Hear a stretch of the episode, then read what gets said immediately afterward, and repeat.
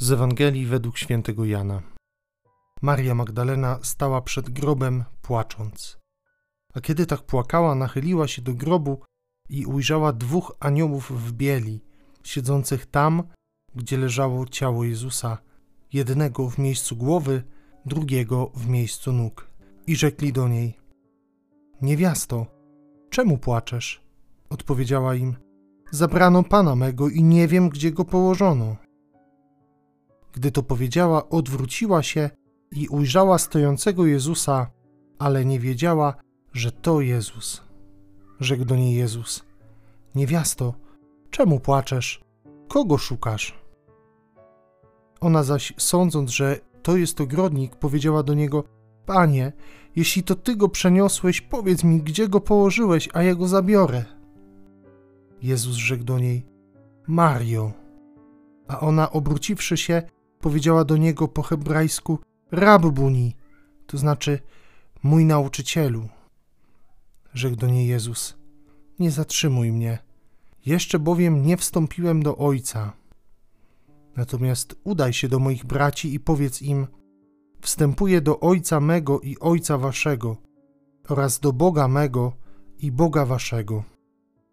Poszła Maria Magdalena i oznajmiła uczniom: Widziałam Pana i co jej powiedział.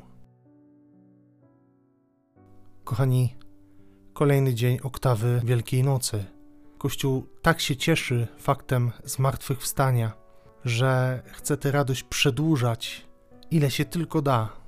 Liturgicznie będziemy przeżywać ją przez osiem kolejnych dni, ale okres wielkanocny trwa o wiele dłużej 50 dni, aż do chwili, do momentu zesłania Ducha Świętego. Ta uroczystość kończy ten okres. Ale mamy niepowtarzalną okazję do tego, żeby, no właśnie, przeżywać tę radość z całym Kościołem. Dzisiaj w tym słowie słyszeliśmy opis spotkania Marii Magdaleny z Jezusem. Przepiękny moment, moment, który chwyta za serce. Tak, chwyta za serce. Nawet mnie, takiego twardego faceta, rusza to. Rusza to, co przeżyła Maria Magdalena. Bo chyba każdy z nas doświadczył takiej utraty kogoś lub czegoś. Takiej utraty, która nas bolała, która kosztowała nas wiele emocji, wiele trudu. Tak sobie myślę, że warto byłoby przyjrzeć się tej scenie. Scenie, gdzie dzieje się coś tak po ludzku patrząc kuriozalnego. Dlaczego? Dlatego, że zobaczcie, Maria Magdalena przecież tyle razy była blisko Jezusa. Tyle razy go nie tylko widziała, ale i przebywała z nim, dotykała go, słuchała go. Przecież świetnie znała jego twarz. Zresztą znamy historię jej życia. Wiemy, że żyła bardzo grzesznie i została przez Jezusa uzdrowiona, uwolniona od swojego grzechu.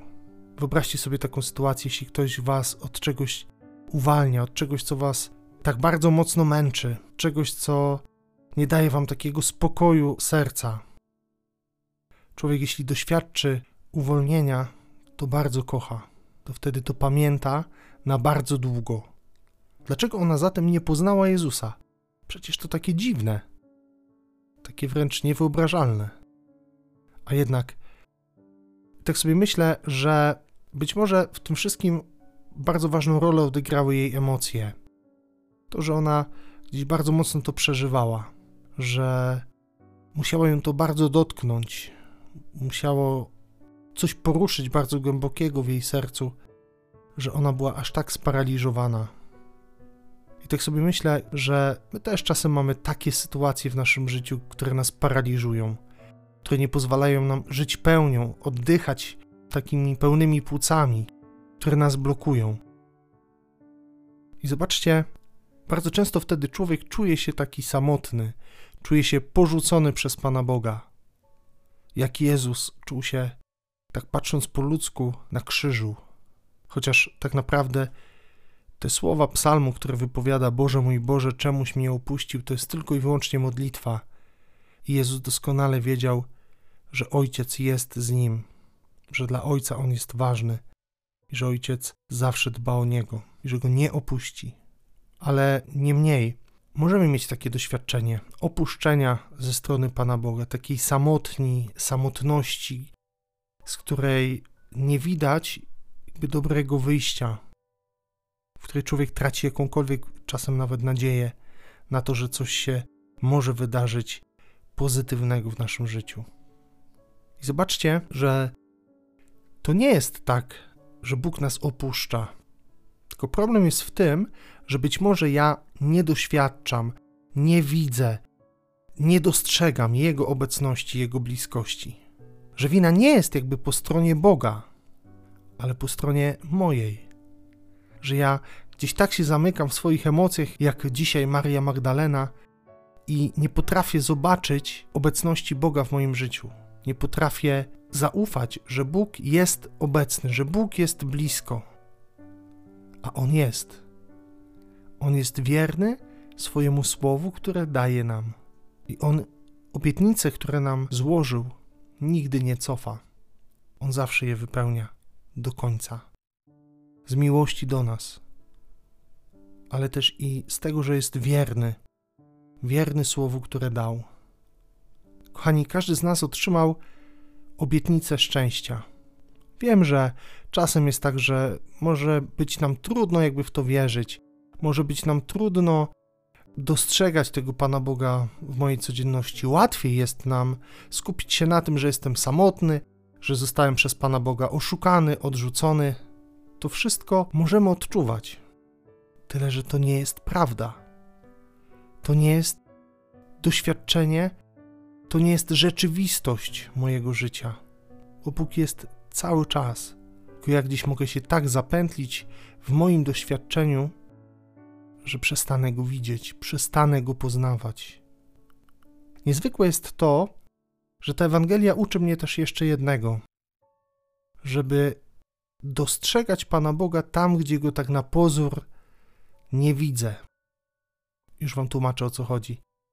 Żeby dostrzegać Boga w tych wszystkich wydarzeniach mojego życia, które są dla mnie trudne, które wymagają ode mnie ofiary, które są nawet, mógłbym powiedzieć, nielogiczne.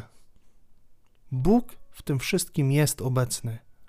To nie jest tak, że jakakolwiek sytuacja wymknęła mu się spod kontroli, że coś przeoczył, że coś przegapił, że z czymś sobie nie radzi, że coś jest mocniejsze od niego. Właśnie może plan na Twoje życie biegnie w ten sposób, że Bogu jest potrzebne Twoje doświadczenie, Twój trud, może i nawet Twoje cierpienie, do tego, żeby wyprowadzić Cię swoją mocą, żeby dać Ci żyć pełnią. Kochani, dziękuję Wam za dzisiejsze spotkanie. Dziękuję Wam za Waszą codzienną obecność przy Słowie Bożym razem ze mną. Powiem Wam szczerze, że cieszę się bardzo, że mogę głosić Wam Słowo Boże, że mogę dzielić się swoim doświadczeniem Pana Boga. Co więcej, mogę się też dzielić charyzmatem, który Bóg mi dał. To jest niesamowite, że On kilkanaście lat temu dał mi poznać to, co jest Jego darem wobec mnie.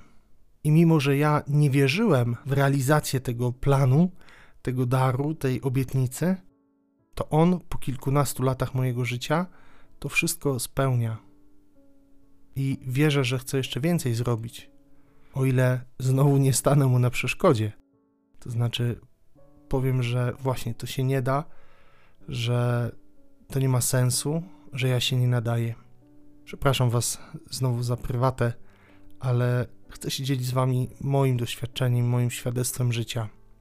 Dla mnie to jest zawsze okazja, żeby pokazać, jak Bóg jest wielki, jak jest wspaniały i jak jest wierny. Wierny obietnicom szczęścia, które dał każdemu z nas. Uwierz w to. Uwierz i zaufaj i daj się poprowadzić. Dziękuję jeszcze raz Wam, kochani, za dzisiaj. Błogosławię Wam i do usłyszenia jutro.